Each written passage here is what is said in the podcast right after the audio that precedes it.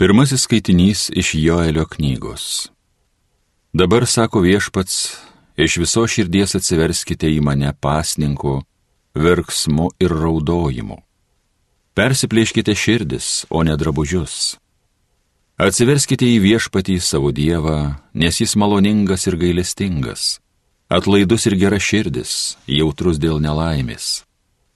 Galbūt jis atsigręš, galbūt ir pagailės, sugražins palaimą, valgių ir gėrimų atnašoms, kurias jūs aukojate viešpačiui savo Dievui.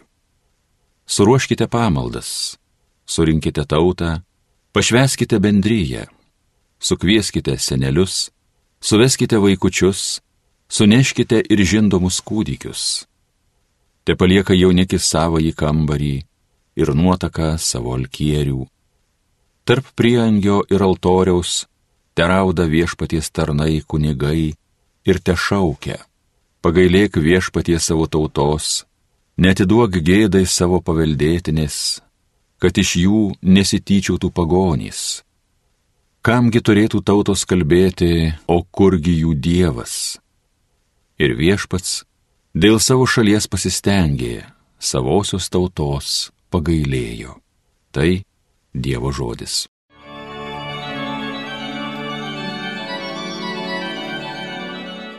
Pasigailėk mūsų viešpatie, mes esame tau nusidėję.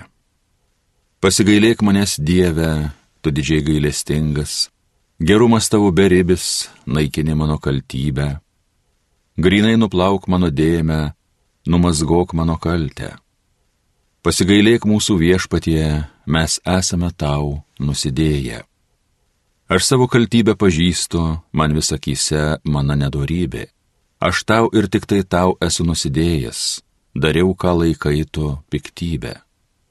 Pasigailėk mūsų viešpatie, mes esame tau nusidėję.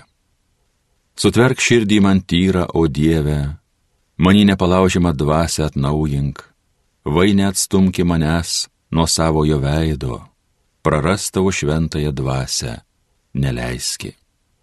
Pasigailėk mūsų viešpatie, esame tau nusidėję. Išgelbėk mane ir būsiu laimingas, padaryk mane didžią dvasį, tu mano lūpose viešpatie būsi, manoji burna tave šlovins. Pasigailėk mūsų viešpatie, mes esame tau nusidėję.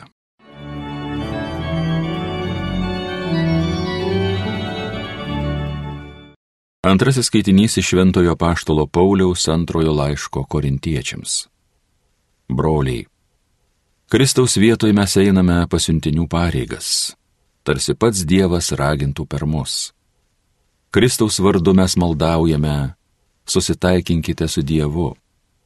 Ta, kuris nepažino nuodėmis, jis dėl mūsų paverti nuodėmę, kad mes jame taptume Dievo teisumu. Kaip Dievo bendradarbiai norime jūs įspėti, neimkite Dievo malonės veltui. Jis sako, Aš išklausiau tave priimtinu metu, aš tau pagelbėjau išganimo dieną. Štai dabar palankus metas, štai dabar išganimo diena. Tai Dievo žodis. Garbė ir šlovė tau, viešpatie Jėzau. O kad išgirstumėt šiandien, ką jums viešpats byloja, tegul jūsų širdys nebūna storžėvės. Garbė ir šlovė tau, viešpatie Jėzau. Pasiklausykite Šventojios Evangelijos pagal Matą. Jėzus bylojo savo mokiniams. Venkite daryti savo geruosius darbus žmonių akise, kad būtumėte jų matomi, kitaip negausite užmokesčio iš savo tėvo danguje. Todėl dalydamas išmaldą netrimituok sinagogose ir gatvėse, kaip daro veidmainiai, kad būtų žmonių giriami Iš tiesų sakau jums, jie jau atsėmė užmokestį. Kai tu dalyji išmaldą, te nežino tavo kairė, ką daro dešinė, kad tavo išmalda liktų slaptoje, o tavo tėvas, regintis slaptoje, tau atlygins.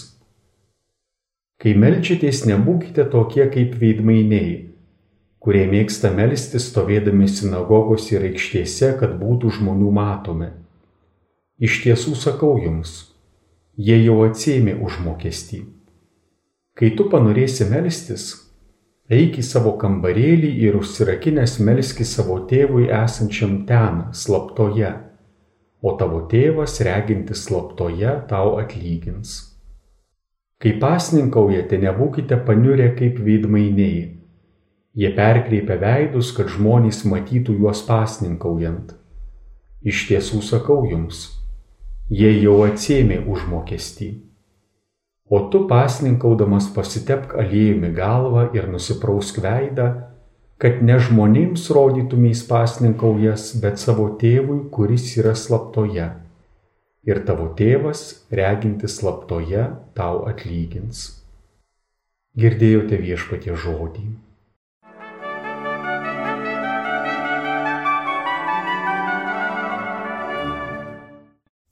Broliai seserys ir vėl pradedame gavėnios kelią.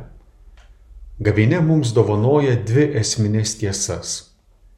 Pirmoji - tai, jog nesame Dievas. Esame tik kūriniai.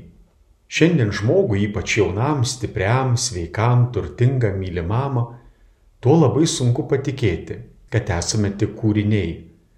Nes visa rodos tarnauja žmogui, jo patogumui ir jo sveikatai ir tik mirties ar kančios akivaizdoje, jei būsime sąžiningi prieš save pačius, suvoksime, jog kai kurių dalykų negalime tvarkyti savo jėgomis, nes jie nepriklauso nuo mūsų, ypač gyvybės ir mirties. Gyvybė ir mirtis visada yra ribiniai momentai. Neveltui per gavėnę bažnyčia kalba apie dykumą, kuri taip pat yra ribinių, kritinių momentų vieta. Dykuma skurdo vieta. Skurdo ne tik augmenijos, gyvūnijos ar vandens prasme, bet dykumoje atsiduriantys žmonės jaučiasi labai nesaugiai dėl senkančių išteklių, dėl artėjančio skurdo. Žmonių turtai dykumoje tampa labai riboti, jų vertė labai pasikeičia, nes svorį įgyja ne turtai, bet tik gyvybę palaikantys dalykai ypač maistas ir gėrimas. Dykuma yra nuolatinio pavojaus ir mirties vieta. Ir būtent dykumoje Izraelio tauta, tada kada ima stokoti, tada kada nieko neturi, suvokia, jog turi pagrindinį turtą, jog jų pagrindinis turtas Dievas yra kartu su jais. Ir todėl Izraelio tauta tapo išrinktąją tautą pačia turtingiausia tauta, nes jai nieko netrūksta. Tai yra paradoksalu. Kai nieko neturi ir atrodo visko trūksta, imi grėžtis į Dievą ir tuomet tampi turtingiausiu žmogumi. Į kapus, kaip sakoma, nieko negalėsi pasiimti draugė su savimi. Vien tik Dievą galėsi pasiimti su savimi į kapą. Ir tai yra pirmoji gavėnio žinia. Suvokimas, jog mes nesame Dievas, esame tik kūriniai, tada, kada stokojame, tada imame gręžtis į Dievą. To paties mums link ir popiežius šių metyje gavėnio žinioje. Jis kviečia mus gręžtis į Dievą, gerai išnaudoti dabartinį laiką ir tapti Dievo bendradarbiais. Ir man atrodo, kad bendradarbystė su Dievu yra antroji gavėnių žinia. Būdami tik žmonės mes esame kviečiami per šią gavėnę tapti kaip Dievas. Tai yra, žvelgiant į Kristaus kančią, persijimti Dievo žvilgsniu. Žvelgti į kitą žmogų taip, kaip Dievas žvelgia į jį. Turėti ir įgyti širdį, panašią į Dievo širdį. Būti gailestingiems tiems, kurie alksta, kurie yra engiami, išjuokiami, žeminami, atjausti tuos, kurių gyvenimai sulaužyti.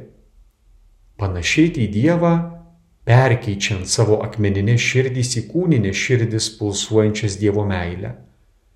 Panašiai į Jėzų alyvų kalne, karštai besimeldžiantį. Šią gavėnę šiandien Pelenų trečiadienį pradedame atsiliepdami į popiežiaus kvietimą būtent šią dieną melstis ir pasninkauti už taiką Ukrainoje. šiandienos mūsų karo frontas yra malda. Tam, kad vieni galėtų konkrečiai veikti, kiti turi nuolat stoti viešpaties veido akivaizdon ir už juos melstis. O rezultatai? Ar sulauksime trokštamų rezultatų, kuriuos gavėnios pradžioje pradedame brandinti? Jei gerai pasninkausime, turbūt vieno kito kilogramo ir neteksime. Bet tai nėra esminis rezultatas tų dviejų gavėnių žinių. Pirmosios, jog esame tik kūriniai, kurie stokojame, ir antrosios, kad per šią gavėnę trokštame tapti Dievo bendradarbiais ir įgyti Dievo žvilgsnį. Šiumetyje gavėnių žinioje popiežius sako, derliaus tikrai sulauksime, kurio pradedame laukti jau šį gavėnius pirmąjį pelenų trečiadienį. Koks bus tas derlius? Popiežius sako, pirmasis derlius tarps mumyse pačiuose ir mūsų kasdieniuose santykiuose. Kitaip tariant, jeigu sėsime gėrį, pastebėsime, jog pirmieji pasėto gėrio vaisiai tarpsta mumyse pačiuose ir mūsų santykiuose. O daugiau? O ar sulauksime labiau apčiopiamų vaisių? Popiežius tęsia, iš tikrųjų mums duota pamatyti tik nedidelę dalį sėjos vaisių, nes pasak Evangelijos priežodžio, vienas pasėja, o nupjauna kitas. Tačiau, savo žinioje mums liudija popiežius, didis kilnumas yra gebėti inicijuoti procesus, kurių vaisius surinks kiti, vilintis, jog mūsų pasėtas gėris turi slaptą galę. Tad pripažinę savo varganumą, šiandien leiskime įtraukiami į Dievo planų panoramą.